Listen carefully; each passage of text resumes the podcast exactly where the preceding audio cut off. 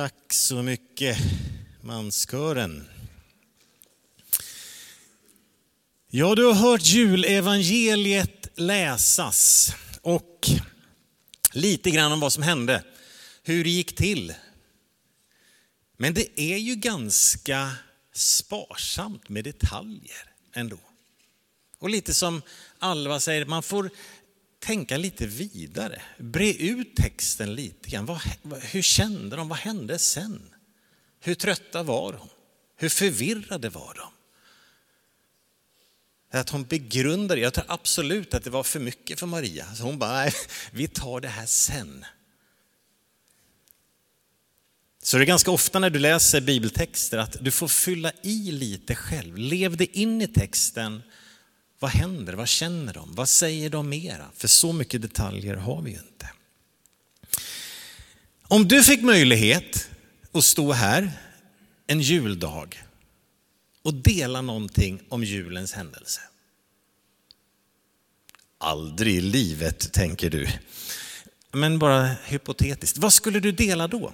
Vad i julens berättelser fångar dig? Kanske varje år som jag bara, Wow! Är det herdarna och deras liksom ute på fältet, änglar som kommer och sjunger? Det lät nog nästan lika vackert som det här. Inte riktigt. Eller hur Dennis? Inte riktigt, men nästan. Och sen så gick de och hittade den här familjen. Eller är det Josef och Marias reaktioner? Eller skulle du på något sätt, är det själva att Gud blir ett barn? Eller vad skulle du dela? Vad fångas du av varje gång? Jag tänkte börja så här, den här juldagen med ett julbudskap och säga så här att i begynnelsen skapade Gud himmel och jord. Det där är från första Mosebok 1 och 1. Så börjar Bibeln. Vi vet ju inte så mycket egentligen liksom, om den andliga verkligheten. Hur är den beskaffad? Hur ser det ut? Hur ser Gud ut? Hur ser änglarna ut? Ja, vi har lite märkliga beskrivningar hos en del av profetböckerna. Och himlen, vart finns den någonstans? Eller är den bara en annan dimension? Eller hur är det egentligen? Jag fick en fråga en gång från en, en skolklass, ganska unga barn. Så kom en och sa, var finns Jesus nu och vad gör han? Det är en jättebra fråga. Vad gör han nu? Ja, men det är ju väldigt mycket som vi inte vet. Det är ju ganska diffust, hela liksom, den världen. Gud är ju ett mysterium. Men det är som att när Gud vill uppenbara sig, förklara sig, göra sig tillgänglig så skapar han himmel och jord. Gud gör någonting konkret. Han uppenbarar sig genom det skapade. Och Paulus han, han tar upp det här i Romarbrevet där han skriver så här. Att ända från världens skapelse syns och uppfattas uppfattas hans osynliga egenskaper, hans eviga makt och gudomliga natur genom de verk han skapat. Alltså att i det som är kan vi uppfatta någonting av vem Gud är, hur Gud är. Om vi eh, läser igenom vårt gamla testamente så ser vi spåren av Gud, att där lär vi känna Gud genom vad han gör, på vilket sätt han gör saker genom människor. Uppenbarar sin vilja genom det. Ibland är det genom utvalda profeter som förmedlar Guds vilja och leder människor, leder folket på det sättet. Men det är som att det här, det som har med Gud att göra, det här andliga diffusa, lite som är ett mysterium. Att Gud vet att vi behöver få det här konkret. Det behöver bli någonting mer. Israels folk är fångar i Egypten i 400 år. Och sen så genom Mose så leder Gud ut dem på mirakulösa sätt. Men då är det inte så att han lämnar dem där och att tänker att ja, men jag gjorde någonting här. Ni får väl komma ihåg det. Nej, utan istället så ger han dem templet och gudstjänsten och säger fira offer, eller ge de här och de här offren vid de här och de här tillfällena, på de här och de här sätten. Och så skapar han en ram, någonting konkret för dem att leva i framöver, i sin tillbedjan, i sin relation med Gud. Att det blir liksom påtagligt. Det är inte bara ett minne, ja Gud gjorde nog någonting någon gång där borta, jag kommer inte riktigt ihåg men det var märkligt.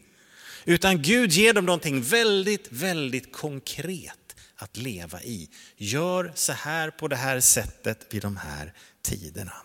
Så han ger struktur och ramar för deras gudstro. Den blir lite konkret. Och det här har inte förändrats i och med Nya Testamentet och kristen tro. Inte alls. Tvärtom skulle jag säga. Kristen tro är inte bara någon slags abstrakt lära, en aning, en tanke att jo, jag tror nog att det finns någonting. Jaha, nej det tror inte jag. Nej, och så står vi där. Kristen tro är någonting mycket, mycket mer konkret. Visst är det så att det är mysterium, fortfarande, absolut. Men det finns någonting väldigt konkret. När Johannes, en av Jesu lärjungar, ska beskriva julen när han ska sätta ord på det här som faktiskt händer den här natten och beskriver då den Jesus som han vandrade med, som han lärde känna. Den Jesus som han följde hela vägen till korset. Den Jesus som han sen mötte uppstånden. Så sätter han de här orden på honom. Från Johannes evangeliets första versar. I begynnelsen var ordet och ordet var hos Gud och ordet var Gud. Han var i begynnelsen hos Gud. Och ordet blev kött och bodde bland oss och vi såg hans härlighet.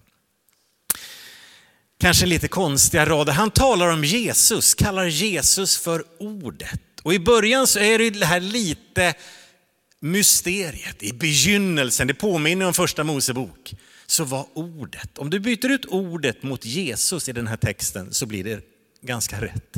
I begynnelsen var Jesus. Och Jesus, han var hos Gud. Och Jesus var Gud. Han var i begynnelsen hos Gud. Från början fanns han. I det här stora, det lite ogripbara, men så händer ju någonting. Ordet blev kött och bodde bland oss. Det här kallas på finspråk för inkarnationen. Du som tycker om chili con carne, är det någon som tycker om chili con carne? Ja, kommer att tänka på Jesus varje gång. Chili con carne, chili med kött. In carne, i köttet. Gud blir människa. Ja, kommer du påminna om Jesus varje gång du äter det? Det är ju fantastiskt. Ordet blev kött och bodde bland oss. Alltså Gud blev människa. Och idag säger vi inte inkarnationen utan vi säger god jul. För det är vad det är. Gud blir människa den här natten. Han bodde bland oss och vi såg hans härlighet. Det är det som Johannes beskriver i sina rader. Gud blir människa i Jesus Kristus. Så Gud han uppenbarar sig genom skapelsen, genom det han gjorde. Han har uppenbarat sig genom historien, hur han agerat och han har uppenbarat sig genom profeter, människor som har talat ut Guds ord, absolut. Men han gör det ännu mer konkret, ännu mer tydligt, det yttersta. När Gud väljer att inte bara vara den här stora skaparen från begynnelsen som är utanför allting och så gör han någonting. I begynnelsen skapade Gud himmel och jord, fantastiskt. Och Gud är här utanför och har sin skapelse. Utan det som sker på julen, det är att Gud blir en del av det skapade. Han kliver in i sin skapelse. Det ogripbara, det här lite diffusa mysteriet blir en människa, Jesus Kristus, och blir gripbar. Han, ordet blev kött och bodde bland oss. Så änglarnas ord till herdarna. Idag har en frälsare fötts åt er i Davids stad. Han är Messias, Herren. Så därför är du och jag idag, vi är inte utlämnade att försöka förstå Gud, detta mysterium, bara i skapelsen. Kan man möta Gud ute i naturen? Absolut. För en del är ju det på något sätt nästan deras kyrka. Jag, när jag går ut i naturen, då händer någonting. Kan man möta Gud i skapelsen? Absolut. Men det är fortfarande lite för diffust. Lite ogripbart. Ja, man har storheten, man har skönheten, man har en del av undret. För naturen är ju obegriplig i sin skönhet och sin komplexitet. Så visst kan vi möta Gud i skapelsen, uppfatta en del av hans egenskaper som Paulus sa. Men lite diffust och lite otillräckligt är det. Och kan vi lära känna Gud genom historien, vad Gud har gjort? Absolut. Läs din bibel, se vad Gud har gjort genom historien. Lyssna på berättelser om vad Gud har gjort för andra människor och du får en bild av vem är han, vad har han gjort? Vi kan se Guds vägar och lära känna honom på ett sätt där. Men det blir ju inte riktigt mitt. Vi är heller inte beroende av utvalda profeter. Några människor som ska berätta för dig att det här är Guds vilja, det här är Guds väg. Även om vi absolut behöver varandra. Där läser vi i Fesebrevet att tillsammans med de heliga så lär vi känna längden, bredden, höjden och djupet och lär känna Kristi kärlek. Så vi behöver varandra, vi behöver lyssna till varandra och att Gud kan tala in i ditt liv genom en människa, absolut. Men det som gäller mest av allt för dig och mig och som startar denna julnatt som är så stort, det är ju det tydligaste sättet som Gud kommunicerar med dig och med mig. Absolut tydligaste och konkretaste sättet. Och Hebreerbrevets första kapitel, första raden säger så här.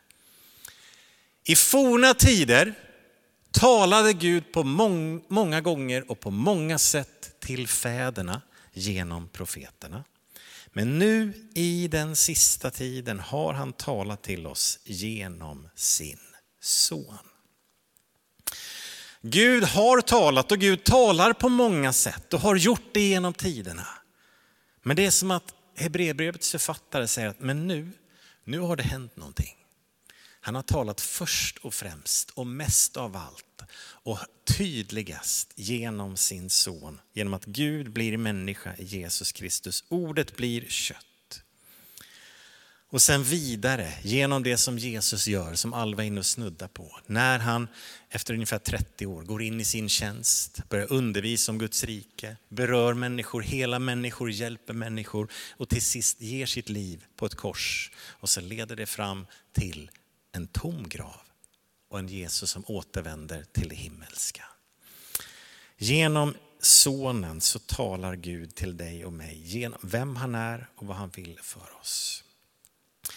Så därför är sonen Jesus Kristus, han är, liksom, han är början på vår vandring med Gud.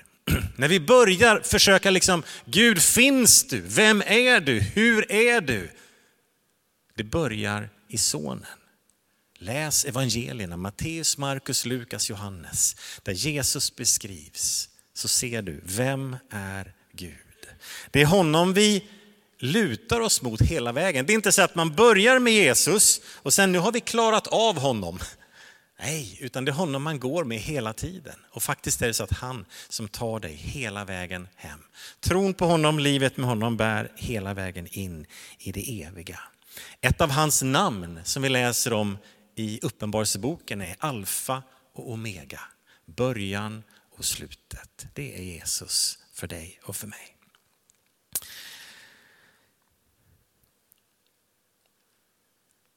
Om du undrar, nej vi tar den versen förresten också. Varför tänder vi en massa ljus? Vi sjunger om ljus och manskören sjunger om ljus. Jo, Johannes han säger så här. I honom, i de här raderna, var liv och livet var människornas ljus. Och ljuset lyser i mörkret och mörkret har inte övervunnit det. Den här Jesus som kommer, han kommer med liv. Det är inte bara en, en idé, en lära, en tanke, utan det står att i honom var liv. Och det här livet, det, det ger ett ljus på insidan. Det börjar blinka lite i skärmarna liksom. Det händer någonting på insidan. Och i en tid som vi lever i nu, som man kan känna den är ganska mörk och konstig, så tror jag att vi behöver ett ljus i våra liv mer än någonsin. Vi behöver ett hopp, vi behöver någonting som är större än det vi ser omkring oss, någonting som bär. Ordet blev kött, bodde bland oss. Om du undrar vem Gud är, se på Jesus, läs evangelierna. Om du undrar över Guds vilja för ditt liv, Fråga Jesus, se på honom. Vad gjorde han för dig? Vad vill han med dig? Om du behöver kraft in i ditt liv, be till Jesus. Vid några tillfällen när Jesus liksom är bland människorna så är det människor som sträcker sig fram mot honom, tar tag i hans mantel vid några tillfällen och så upplever de ett helande i sin kropp. Och då säger Jesus vid några tillfällen så här, jag kände att kraft gick ut från mig. Den är så bra. Jag kände att kraft gick ut från mig. När människor i sin nöd, vet inte hur stark deras tro var, men det var som att jag bara måste få röra vid honom. Jag måste få tag i honom. Så händer det någonting och Jesus säger, kraft gick ut från mig. Behöver du kraft in i ditt liv idag, be till honom. Han som är liv, han som är ljus. Så din tro på Gud, min vän, den behöver inte vara diffus. Gud, är han ett mysterium? Absolut. Är han osynlig? Absolut. Kan vi riktigt fånga honom? Nej, det kan vi inte. Men han har gjort gjort sig begripbar. Han har gjort sig nåbar. Gud har ett namn. Jesus Kristus. Gud har ett ansikte, det vi ser i Jesus. Gud har en röst. Lyssna till vad Jesus säger. Ordet blev kött och bodde bland oss. Gud blev människa. Det är vad som sker denna julnatt. Ska vi be till honom? Ska vi stå upp över hela lokalen?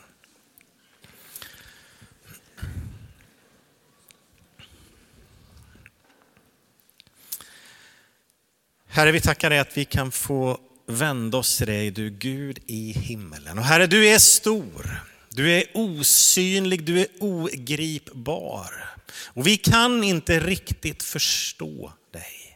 Vi kan inte riktigt omfamna med vår tanke och vårt förstånd vem du är och hur du är. Men jag tackar dig att den här julnatten, det vi firar, det är en Gud som gör sig begriplig. Det är en Gud som gör sig nåbar för enkla människor. Det är en Gud som får ett namn, det är en Gud som får ett ansikte, det är en Gud som får en röst in i våra liv. Tack Herre att du är nåbar. Du behöver inte vara ett mysterium, du behöver inte bara vara en aning. Utan du kan få vara tydlig för oss. Herre, du känner oss som är här den här juldagen. Du känner våra liv utan och innan. Herre, du vet att tron är stark och klar. Du vet att den är obefintlig. Herre, du vet liv som kantas av svårigheter och kamp. Du vet liv som går på ganska väl. Här är vi enkla vanliga människor och vi är alla människor som behöver få se dig. Som behöver din kraft in i våra liv. Herre, jag ber att vi skulle kunna få sträcka oss ut mot dig idag. Och där du säger, det går ut kraft ifrån mig. Du som är liv, du som är ljus. Fyll våra hjärtan med hopp, fyll våra hjärtan med tro. Hjälp oss att se att du är Gud i himmelen, himmelens och jordens skapare, alltings ursprung. Du är med mig. Du är nära mig, du är hos mig. Du vänder ditt ansikte till mig. Herre, tack att du hör varje bön som bes i det här rummet just nu. Enkla böner av tro, enkla böner om hjälp in i våra vanliga liv. Där vi behöver en Gud som ser, som bär, som är. Tack att du älskar oss så. Tack att du kom till oss och gjorde dig nåbar för oss. Du Gud som blev människa. I Jesu namn. Amen.